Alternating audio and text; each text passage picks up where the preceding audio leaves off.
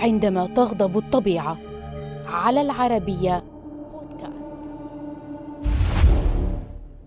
في واحدة من الكوارث الطبيعية التي أدهشت العلماء وفي اليوم الخامس عشر من يناير للعام 2022 كشفت صور للأقمار الصناعية عن إطلاق الأرض كميات كبيرة من المياه تتجه نحو الفضاء. هذه الثورة الطبيعية الغاضبة نتجت عن نشاط بركاني متجدد في المحيط الهادئ. وقعت الكارثة في مملكة تونغا وتحديدا في الجزيرة البركانية هونغا تونغا التي تعد موطنا لأصناف مختلفة من الطيور والنباتات. وثار بركان تونغا ليرسل أعمدة كبيرة من الدخان والرماد والمياه نحو السماء. قدر حجم بخار الماء الصاعد للغلاف الجوي بحجم يزيد على 58 ألف حمام سباحة أولمبي. وتصاعدت أيضا كميات كبيرة من غاز ثاني أكسيد الكبريت لتستقر في الغلاف الجوي. تكونت سحابة من الرماد البركاني على ارتفاع 30 كيلومترا ثم اجتاحت أكثر من ثلاثة ألاف كيلومتر غربا إلى أستراليا فحجبت أشعة الشمس وأعاقت حركة الطيران وقطعت شبكة الاتصالات. كما تسبب البركان في حدوث آلاف الصواعق وومضات من البرق.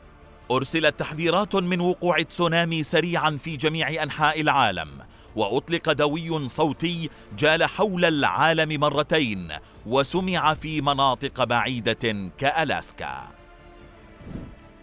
وبالفعل تسبب البركان في هزة أرضية قوية وتسونامي وصل إلى دول ساحلية بعيدة كالولايات المتحدة ونيوزيلندا والبيرو.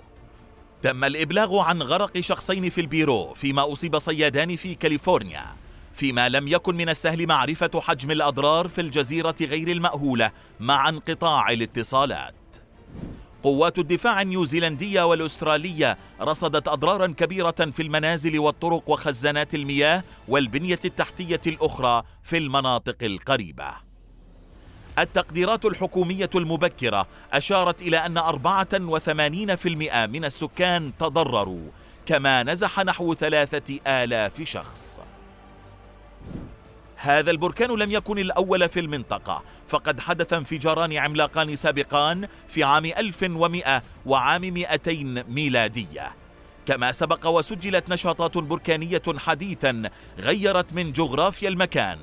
أما آخر بركان سابق فكان في ديسمبر عام 2021 رغم أن البركان ليس نشطا إلا أنه الآن قد ينشط في أي وقت. كذلك فإن وكالة ناسا رجحت أن بخار الماء سيبقى في الغلاف الجوي لسنوات مما قد يؤثر على أنماط مناخ الأرض.